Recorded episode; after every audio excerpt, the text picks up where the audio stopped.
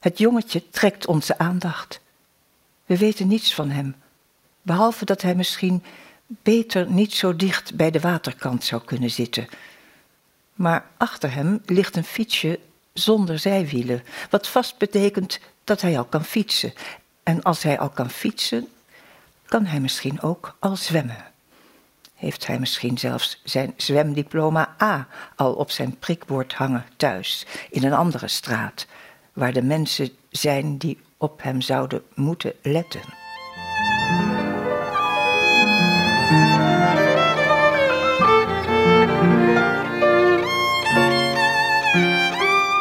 Dit is de 28e aflevering van de podcastserie Uitgelezen Verhalen Literatuur ontmoet theater.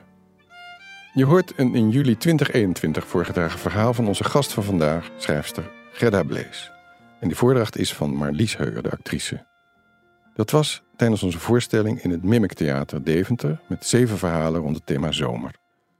De auteur kon daar niet bij zijn, maar ze is er nu wel. Fijn dat je er bent, Gerda. Ja, fijn om hier te zijn. En ze heeft haar zoon Tom meegenomen, die vier maanden geleden ter wereld kwam. Misschien hoor je hem af en toe. Mocht je na 28 afleveringen nog afvragen wie ik ben, mijn naam is Pieter van Scherpenberg, samensteller van het theaterprogramma van Uitgelezen Verhalen en dus je gastheer in deze podcast. Voor we verder gaan, doe ik een direct beroep op jou, luisteraar. Laat weten wat je van onze podcast vindt, of van deze aflevering, door sterren uit te delen of een besprekingje te schrijven. Doe dat liefst op de platformonafhankelijke website voor podcasts, waar luisteraars en makers elkaar kunnen vinden, podchaser.com. Dat is vergelijkbaar met het Internet Movies Database, maar dan voor dit medium. Om het je makkelijker te maken, zetten we een link naar onze pagina op Podchaser in de shownotities. Gewoon klikken.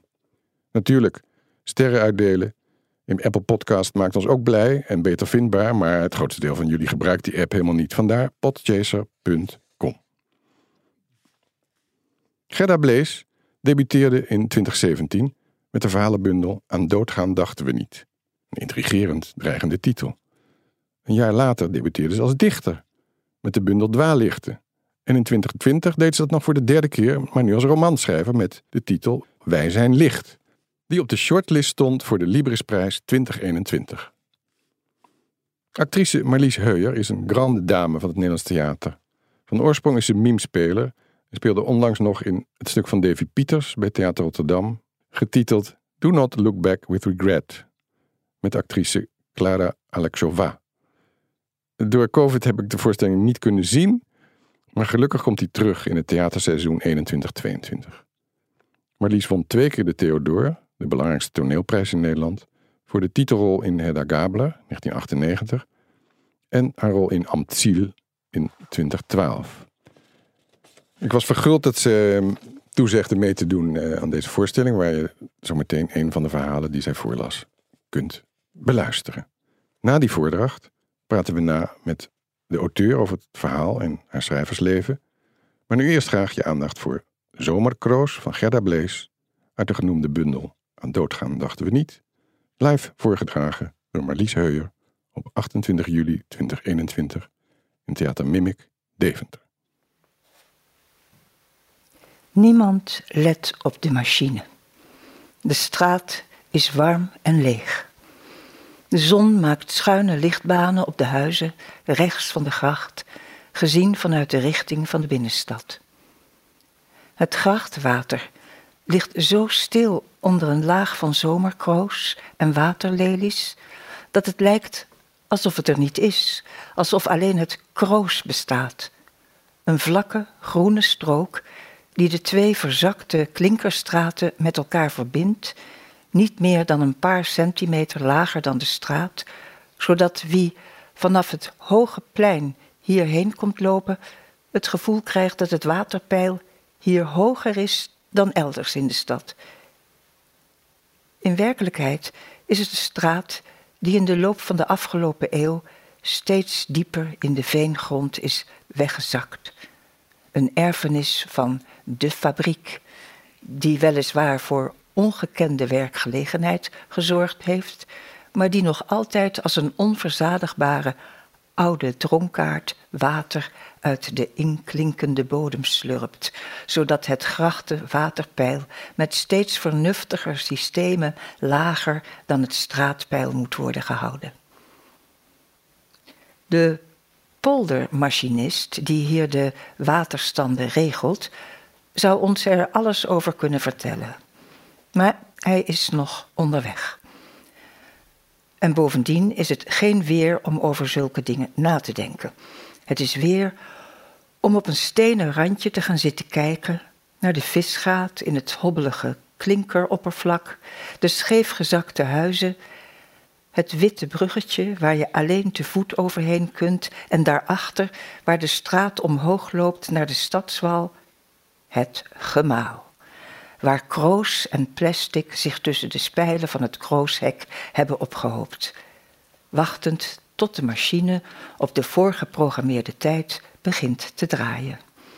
De lange robotarm in beweging zet, de grijper aan het uiteinde ervan omlaag stuurt naar het hek om alles wat daar hangt in één klap bij elkaar te drukken, de arm weer opheft en opzij draait en het afval in het kroosdepot laat vallen. Maar op de machine letten we niet. Wij vertegenwoordigen een menselijker perspectief. We observeren liever wat er leeft. Een dobberende eend tussen het kroos. Een zwart met witte kater die hem in de gaten houdt vanuit een vensterbank. En even verderop, tussen het onkruid, langs de waterkant, een jongetje, zittend op zijn knieën, compleet verdiept in een gedeukte pingpongbal. Het jongetje trekt onze aandacht. We weten niets van hem, behalve dat hij misschien beter niet zo dicht bij de waterkant zou kunnen zitten.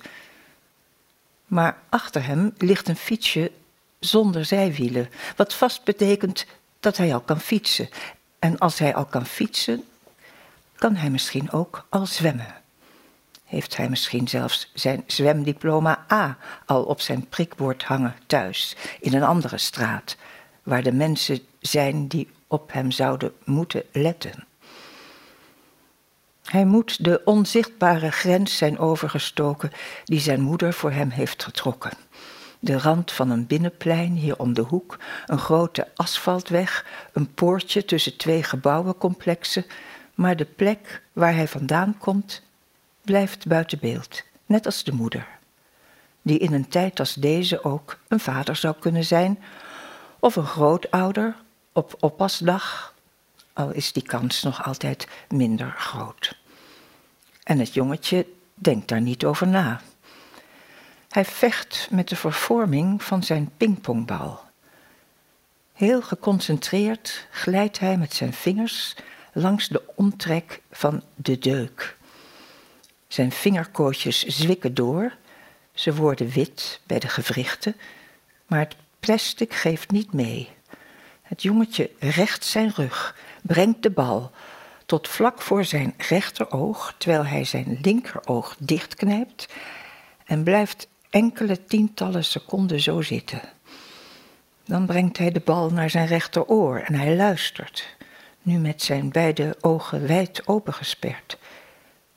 Na weer een halve minuut aandachtig stilzitten, schudt hij zijn hoofd, laat zijn arm wat zakken en stopt de bal gedeeltelijk in zijn mond, zo te zien om de deuk uit het plastic te zuigen. Hij zuigt en kijkt en zuigt en kijkt zuigt en kijkt, meet de omvang van de deuk telkens af tussen twee vingertoppen, maar hij registreert geen enkele verandering, zodat hij zijn tanden telkens dieper in zijn onderlip moet duwen om zijn teleurstelling te verbijten. Waarom de deuk het jongetje zo dwars zit, is niet duidelijk.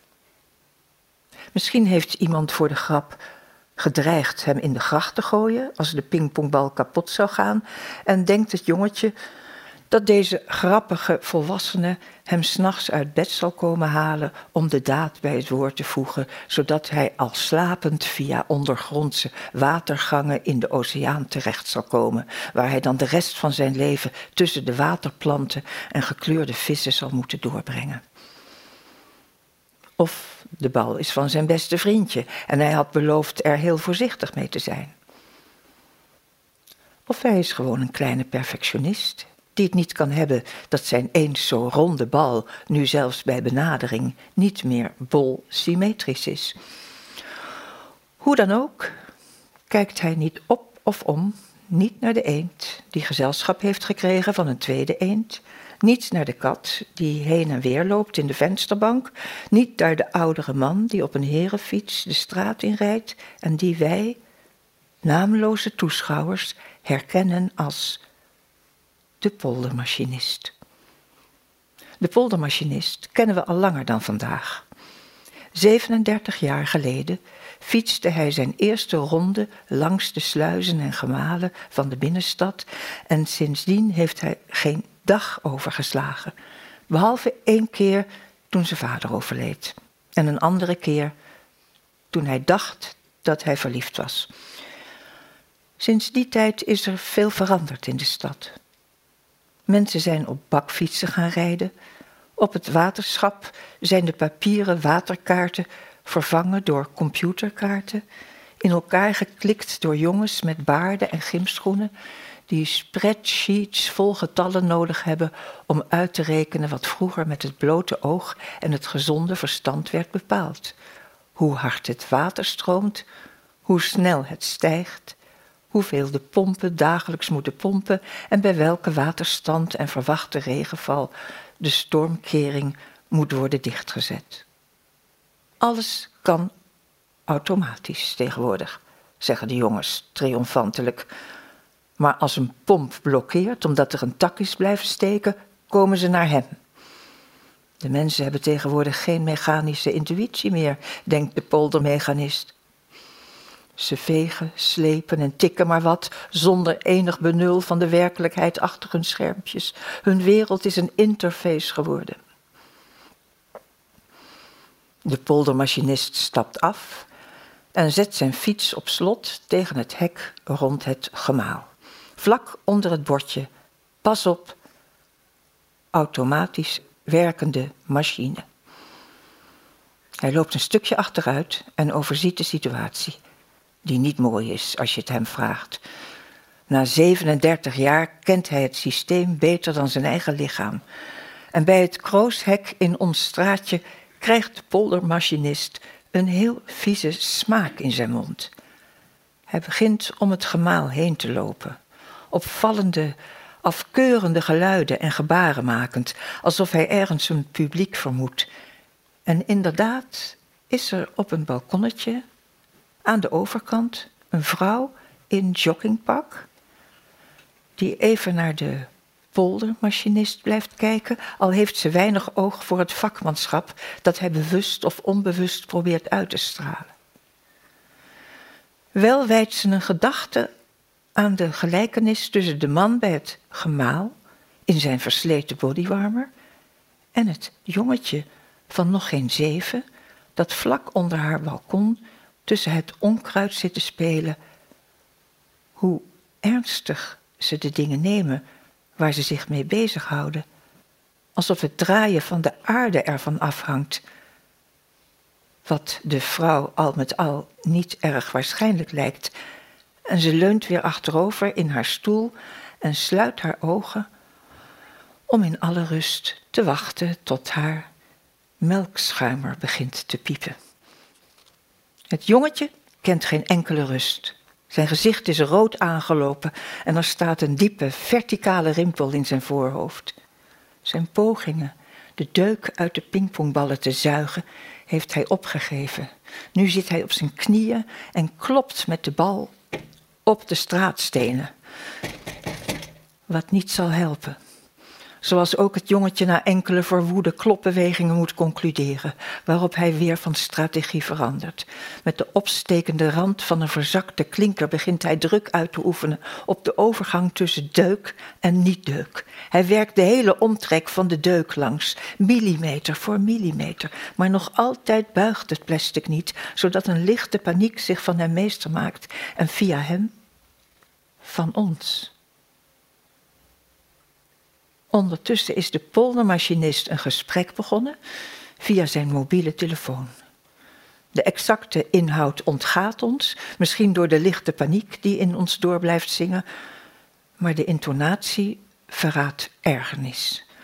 De woorden kroos, hek, pomp en noodweer vallen en even later zo snel mogelijk en nu meteen.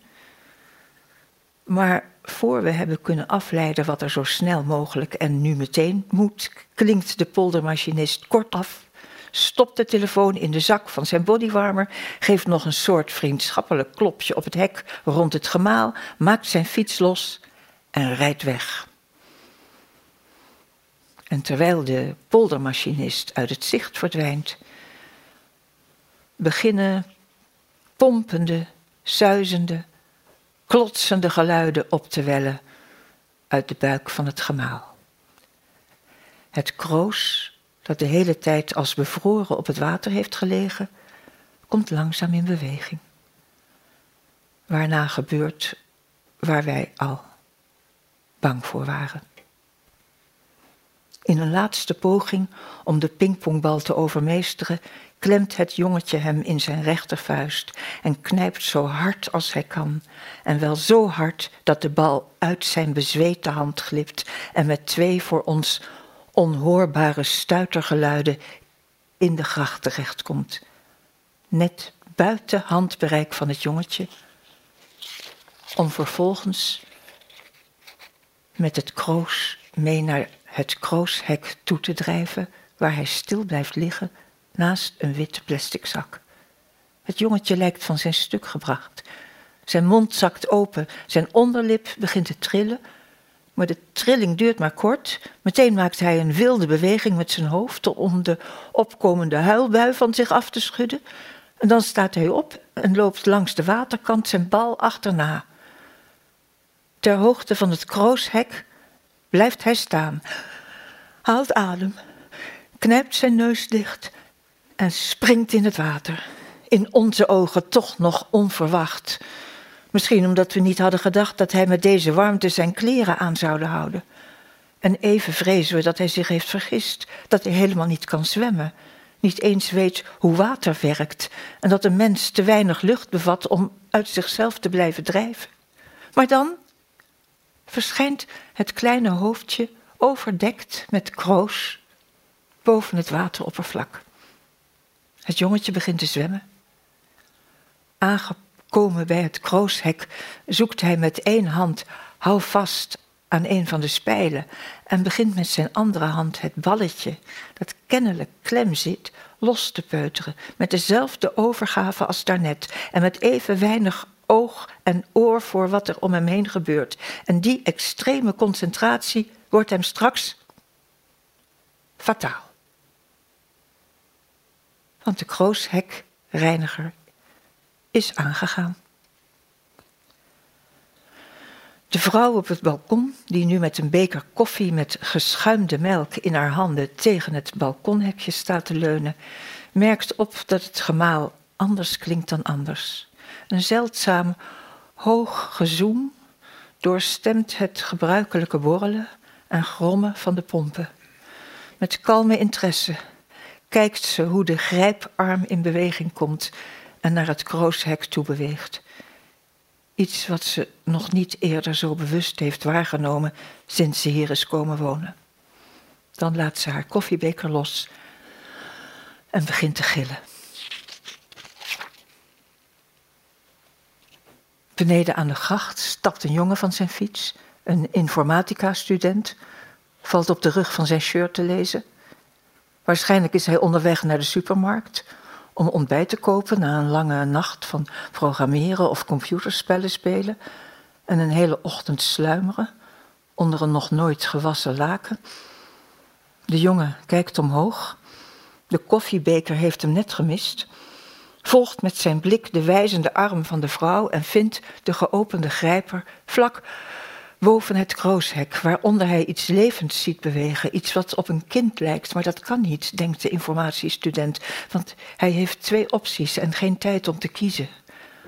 Om de grote rode noodknop te bereiken zou hij over het hek met het bordje pas op, automatisch werkende machine heen moeten klimmen, waarbij hij mogelijk blijft hangen of zijn korte broek scheurt aan de scherpe punten op het hek. Maar als hij in het water duikt, dan is hij waarschijnlijk ook te laat bij het jongetje, dat nog altijd niets in de gaten heeft. De gillende vrouw niet hoort, de informatica-student niet ziet, niet weet dat hij bekeken wordt door ons en dat de grijper bijna bij hem is, zodat het laatste waar hij zich nu druk over moet maken zijn bal is. En of die niet voor altijd tussen de spijlen van het krooshek vastgeklemd zal blijven zitten.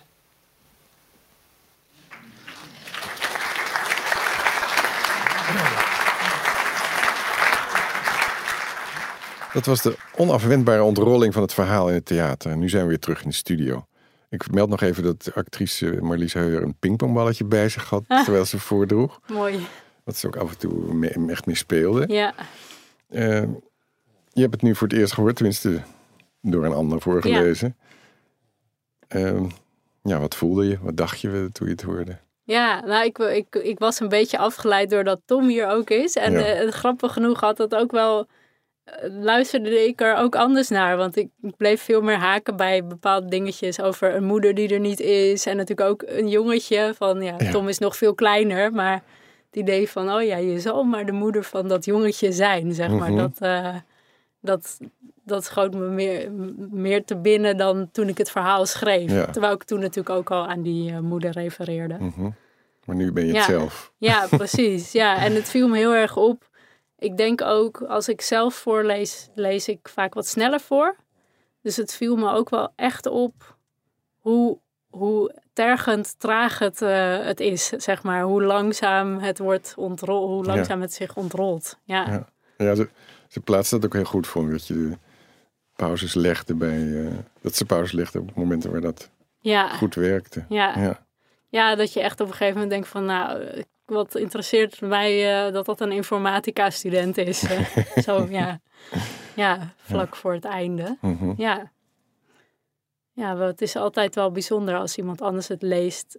Dan uh, hoor je het echt als, luister, ja, als luisteraar, mhm. zeg maar. Dan wanneer je je eigen verhaal zelf terugleest, dan lees je het als de schrijver of zo. Maar mhm. als luisteraar kan je echt met wat meer afstand uh, het verhaal tot je nemen. Ja. ja mee laten slepen. Misschien ja, precies. Ja. Hoewel het nu met Tom misschien wat anders was. Ja, het was anders, maar het was ook wel weer, ja... Verdiepend. Het, zorgde ook wel voor wat extra drama of ja. zo. ja, over, daarover gesproken. De lezers van je roman zullen nu ook naar je verhalen en gedichtenbundels grijpen, hoop ik. Ik ken in elk geval één echtpaar in Deventer dat dat deed. Die, ging, heeft ook je, je verhalenbundel gekocht en gelezen. En ja. Dat deden ze door elke avond aan elkaar in bed een verhaal voor te lezen. Oh, mooi. En we konden dan vervolgens wel slecht slapen naar bijvoorbeeld dit verhaal. dus uh, je doet je lezers nogal wat aan. wat, wat vind je daarvan? Ja, um, nou, het heeft dan effect. Ja. Dus dat, is, dat vind ik wel een compliment. um, ja, ja, bijzonder. Ik vind dat wel bijzonder als, als dingen echt zo'n soort effect hebben op mensen. En uh, ik weet nog wel, ook toen ik die verhalen schreef, dat ik er ook wel een beetje van genoot. Van dat, eigenlijk een beetje dat tergen van de lezer. Mhm. Ja, ja. En... Is dat, een, is dat een sadistisch trekje? Of, uh... Ja, ik weet niet. Het is een soort van... Ja, het is misschien waarom mensen ook horrorfilms kijken mm of zo. Een beetje de, het spelen met een bepaalde spanning of spelen met ja, met het onheil dat ons allemaal kan overkomen, zeg maar. Ja. En ja, de escape is natuurlijk altijd, het is maar fictie. Ja, precies. Ja, ja. Ehm, ja. je, je schildert een soort arena in dit verhaal. Van een stad in een polder die steeds verder wegzakt. Heel bepalend, eh, vind ik die. Kan je nog herinneren hoe, hoe het verhaal ontstond? Begon het met de arena of, of eh, heb je een andere kiem? Uh, het is ja. natuurlijk wel enig tijd geleden. Ja, nee, ik weet het nog wel goed. Want het begon eigenlijk met een idee voor een roman die, dat ik nog steeds heb. Om inderdaad een roman te schrijven waarin een stadje een soort van centrale, uh, het centrale element is. Mhm. En uh, nou ja, een beetje inderdaad zo'n polderstad in Nederland. En dan eigenlijk het idee van die roman is om dan heel veel tijd te bestrijken. Eigenlijk vanaf dat het echt een klein stadje is, dat het groeit. Dat er, zoals natuurlijk in heel veel steden in Nederland, op een gegeven moment zo'n fabriek bij komt. Die dan heel bepalend is voor hoe die stad zich ontwikkelt. En wat de mensen die werken allemaal bij die fabriek, mensen die in die stad wonen. En afhankelijk van wat voor fabriek is, ruikt het daar altijd naar cacao of altijd naar uh, nou ja, wat er dan ook in, in die stad uh, gemaakt wordt. Zoals waar ik vroeger, ik woonde vroeger in Castricum en dan heb je uh, de linoleumfabriek een eindje verder. Dus dan mhm. als de wind op een bepaalde manier staat, ruik je het linoleum. Ja. Uh, dus dus dat, was, dat was een idee om daar ooit een roman van te maken. En dit was eigenlijk, begon eigenlijk als een soort voorstudietje op dat, uh, op dat idee eigenlijk. Ja. En dan was de stad die ik in, ja, wel heel duidelijk in mijn hoofd had, is Delft. Want in Delft heb je inderdaad die grachten die zo, uh, dat is heel opvallend, die grachten die zo dicht bij de straat liggen. Ja, het, het waterniveau heel, ja, het waterniveau heel hoog is. Ja, ja, verschilt met de straat. Ja. ja. Uh, inmiddels heb ik drie van de tien verhalen uit je bundel geselecteerd in onze voorstelling. En twee daarvan dus inmiddels nu met vandaag erbij uh, in een podcast kunnen hergebruiken. Um, ik noemde straks al, die eerste aflevering uit 2018 was een verhaal naar het oosten. Het gaat over drie jonge vrienden die in een auto zonder doel oostwaarts rijden. Ook daar is de dood van een van hen een onafwendbaar einde, lijkt het. Ja. Het lijkt een soort fascinatie te, te hebben met ons aller einde. Ja, klopt, ja. Mhm. Ja. Ja, ook mijn volgende roman gaat daar ook weer uh, over. Ja, Nog je, wat explicieter. Ja. Ja. ja. ja, ja. Ja, ja, ik, uh, dat einde, ik, ik vind het altijd een soort van. Daar, ik denk dat dat dood, of dat dat door daarover na te denken, je ook meer over het leven nadenkt of zo. Of dat de dood, dat moment van de dood, dat dat de waarde van een leven in een ander licht plaatst. En dat het me daarom wel blijft interesseren en fascineren. En mhm. sowieso natuurlijk, het, het is het enige, of het enige, nou, het is vast meer, maar is een van die dingen die we echt niet kunnen weten en die ons allemaal gaan overkomen. Ja, dat is zoiets vreemd. Ja. Dat blijft, ja, daar kan je altijd over blijven nadenken. Heb je dat, is dat, was dat al vroeg in je leven een, een, een fascinatie of in ieder geval een punt waar je veel mee bezig was? Nou, ik heb wel, toen ik uh, heel klein was, is mijn oudere zus overleden. Ik oh. was toen tien maanden en zij was vijf. Dus ik ben daar een beetje mee opgegroeid. Want als kind van tien maanden kun je daar natuurlijk nog helemaal niet, kun je dat niet bevatten. Maar dus langzamerhand, naarmate ik ouder werd, leerde ik dat, dat ik nog een zus had, dat die overleden was. Dus ik groeide daar echt een beetje mee op. Mhm. Dus dat heeft misschien wel uh, invloed gehad. Ja, en ik kan me ook wel herinneren dat ik later wel eens ja, zelf bang was om dood te gaan als kind. Weet je wel, dat ik in bed lag van, oh, wat als ik morgen dood ben. Ja. En ook wat trouwens in dit verhaal ook terugkomt, dat jongetje die bang is. Misschien heeft iemand gedreigd hem in de vijver te gooien. Dat heb ik dus zelf meegemaakt. Dat, dat iemand, uh, toen ik vijf was, zei, ik gooi in de vijver hoor. En dat ik echt bang was dat hij uh, s'nachts zou komen en dat zou doen. En dat ik ook dacht dat de vijver verbonden was met de, met de zee. Dus dat ik dan eigenlijk in de zee gegooid zou worden. ja. ja, vreselijk. Ja. ja. maar goed, dat op die leeftijd zijn dat hele heftige emoties, weet ik ook nog wel. Ja. Ja. ja. En dan heb ik op je website gerdablees.nl gelezen Op dit moment werkt Gerda aan een machine die de laatste gedachten van stervenden kan opnemen. Ja, Deze machine vormt een element in haar volgende roman. En dat doe je op de Rietveld Academie, afdeling Dogtime. Toen ik dat las, dacht ik, dit klinkt als fictie. Die afdeling alleen al.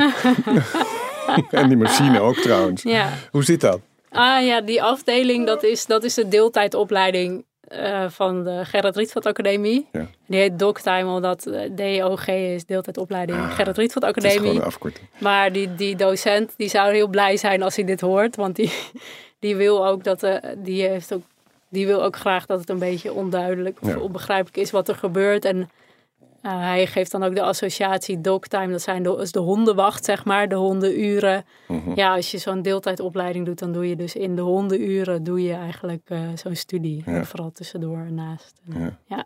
Daar heb je nu natuurlijk wat minder tijd voor sinds eh Tom er is. Ja, ja, gelukkig nu mijn laatste jaar. Of gelukkig, ja. Begin je nu aan? Ja, begin ik aan. Dus Mhm. nu is het scriptie schrijven en, en afstudeerwerk maken. Ja. En Even, ik heb Ja. niet goed opgelet waar, waar die deeltijdopleiding en dan waar staat het G voor? Voor Gerrit Rietveld Academie. Oké. Ja, ja, En het is dus beeldende kunst waarin je Ja. wordt eh, getraind. ja, Of getraind, waarin je ze ontwikkelt. ja, ja. En eh, die machine is daar een product van. Ja, maar het is nog steeds. Ik vraag me steeds meer af. Ik heb vorig jaar aan die machine gewerkt en ik, ik weet nog steeds niet of die machine in het verhaal Een rol krijgt. wel echt bestaat of dat die in het verhaal ook verzonnen is. Als je snapt wat ik ja, bedoel. ja, ja, ja. Dus want het wordt verzonnen door een van de. Het is een van de hoofdpersonen die die machine uitvindt. Maar ik weet nog niet of diegene een, eh, ja, een waan, waanzinnige is, zeg maar. Of dat het een soort van science fiction wordt waarbij er echt zo'n machine Een bestaat. werkelijkheid schept waarin dat gewoon kan. Precies, Ja. Ja. Ik neig nu toch meer naar de eerste variant. Dus dat, eh, dat het... Of dat het in het midden blijft. Dat kan ook nog. Ja. Ja. Mooi. Ja. Ja, dan snap ik ook wat je daarnet zei over dat het, de dood speelt een, een belangrijke rol in je in de volgende roman. Is dat dus Ja, bij de mensen die bijna sterven heb je dan gedachten die je kunt opvangen of ja, ja, opnemen. Of, ja, precies. En terug luisteren. ja. Ja. En dan de vraag of je dat daar... Een tijdje geleden zag ik eh, de film Grizzly Man. Ik weet niet of Ja. je die kent. En dan, eh er is een opname van, eh, dus er was een man die al met, met grizzlyberen samenleeft. En die wordt uiteindelijk opgegeten door zo'n beer. En dat is, staat op audioband. Nou, er zijn ook beelden, En, maar die hebben ze niet laten zien. Die waren te gruwelijk, heb ik begrepen. Oh, oké. Oh, Ja. In de film wordt gezegd dat die beelden er niet zijn, Ja. omdat de lenskap erop zat. Mhm. Maar ze luisteren dan naar, die, naar, die, eh, naar dit fragment. En dan zegt die filmmaker tegen een goede vriendin van die man van... Je moet dit nooit afluisteren. Dus dat is ook nog een vraag van... Wil je de laatste Ja. gedachte weten van je naaste? Ja. Ja. Ja. Mijn vader is vorig jaar zomer overleden en het was aangekondigd, want de, huisarts was erbij om de verlossende injectie, maar zo, om het maar zo te zeggen, te geven. En mijn zusje zat erbij en die zei, daar ga je pap, want de huisarts zegt, hij gaat nu, Ja. daar ga je pap. En toen riep hij, ik blijf bij je. Oh, Prachtig. ja, wat mooi. En ja. achteraf hoorde ik van de huisarts, dat kan helemaal niet dat hij dat nog kon zeggen. Oh, echt? Dus het is Ah. helemaal fantastisch. Ja. Ja. Ja, Eh, dat onderwerp is gewoon ja. zo interessant. Eh, in de non-fictie, ook wel bekend als de werkelijkheid, heb je dit jaar dus, zo- zoals ik aan het begin al zei, een zoon ter wereld gebracht. En de vader is Robert Schuit. Ja, klopt. Eh, voorheen bekend als Joubert Pignon. Ja, die heeft hij laten vallen, die nom de plume, of niet? ja, ja, Ja. Hij, gaat nu, eh, hij is nu eh, onder Robert Schuit verder Ja, aan het schrijven. Ja. Ja. Denk je, heb je, ja tenminste, ik kan me voorstellen dat je er gedachten over hebt, maar nog, misschien nog geen antwoord over. Of, of het moederschap je, je schrijven zal beïnvloeden. Of, of Ja. veranderen. Of, ja, op dit moment al doet het dat wel. Omdat sowieso, nou gewoon de tijd die ik heb is heel, eh, nog wel heel beperkt. Omdat ik veel met hem bezig ben. En ik merk dat mijn hoofd ook nog wel heel erg op hem gericht is. Dus dat ik nu ook wat meer geneigd ben om echt wat meer ja, richting autobiografisch te schrijven. Omdat het op dit moment ja, zoveel ruimte inneemt in mijn hoofd dat ik daar ook over moet schrijven. dat er niet veel anders bij Precies, kan. Precies, ja. Dus ik ben wel, dus daar ben ik nu een beetje naar aan het zoeken van hoe ga ik dat doen ook met die volgende roman. Mhm. Dus ik schrijf er wel aan en eh, ja, misschien ook dat hele absurd nare, zeg maar, dat dat ook eventjes misschien voor een tijdje even weg is. Maar ik verwacht ook wel dat dat weer anders wordt Ja. naarmate hij ouder wordt en weer eh, ik hem nu weer niet eh, de hele tijd zoals nu tegen me aan hoef te houden. ja. Ja, ik weet dat veel uitgevers terughoudend zijn in het verhalencollecties uitbrengen, maar jij bent ermee gedebuteerd. Jouw uitgeverij Podium is daar openlijk voorvechter van. Ja. En je kon zelfs debuteren met een verhalenbundel. Vaak zeggen ze dan, ja, verhalen wel leuk, maar eerst maar een roman. En als je daarmee succesvol bent, dan eventueel een verhalenbundel. Ehm, maar ja, Podium brengt een vrij lange reeks uit, ook van vertaalde verhalen, maar ook door Nederlandse schrijvers geschreven. ja, klopt. Ehm, dus ik ben benieuwd, komt er nog een bundel van je? Want daar, daar ben ik natuurlijk voor. Ja, dat wil ik wel. Alleen het is wel een beetje, nou ja, dus ook qua tijd, zeg maar. Ik heb wel meerdere bundels, ideeën voor bundels. Maar dat is wel, ik ben nu eigenlijk vooral met een dichtbundel bezig. En een roman, zeg maar, die staan als eerste op, op, het, eh, op de rol. op de rol. En dan, eh, maar ik, ik verlang er wel ook vaak naar. Want ik denk wel soms dat verhalen mij toch het allerbeste nog liggen, zeg maar. Dus af en toe denk ik wel van, oh, weer even lekker een kort verhaal schrijven. Ja. Ja, ja. Ja, zeker omdat Dus- ze... Ja, volgens mij heb ik het ook in een recensie gelezen, maar je gaf het net zelf ook aan dat ze, dat ze de, in, de, de suggestie ook van een roman hebben, soms die verhalen. Dat er heel Mm. veel in zit. Ja, Eh, en ja, soms aanzetten zijn tot. Dus, ja, eh, precies. Ja.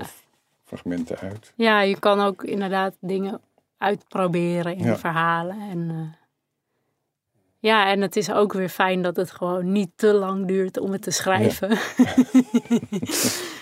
dus ik wil zeker nog, eh, nog meer weer, weer een verhalenbundel, meerdere verhalenbundels gaan Daar gaan we, schrijven. daar gaan we dan Ja. uitkijken. Dankjewel Ja, voor ja. eh, dit gesprek en je Graag komst in de gedaan. studio. Ja, Met Tom eh, hoop ik dat hij opgroeit. Het is al een wolk van een baby en het is een mooie man. dat hij voorzichtig zal zijn met pingpongballen. Ja, precies. En even terug naar jouw luisteraar. Dank voor je aandacht. En ik moedig je aan Gerna's bundel alsnog te kopen. Hij is nog in de handel. En deel sterren uit op podchaser.com. Dat ik zei ook aan het begin al. Of nog liever schrijf een besprekingje. Het kan gewoon in het Nederlands, hoewel het een Australische site is. Ik rond af met te melden wie onze gulle geldgevers zijn. Dat zijn de provincie Overijssel, de gemeente Deventer en de gemeente Enschede. Deze aflevering werkte mee Gerda Blees, Marliese Heuyer, Joep van de Pavoort nam het verhaal op in het theater, Huub Krom leidde de podcastopname in zijn studio Orbit, Dirk-Jan van Ittersum tekent voor de montage en de mastering van de audio. De herkenningsmelodie is van Instant Classical, Amir Swaap, Sietse van Gorkom. Mijn naam is Pieter van Scherpenberg en ik gidste je door deze 28e aflevering. Op naar de volgende, tot dan!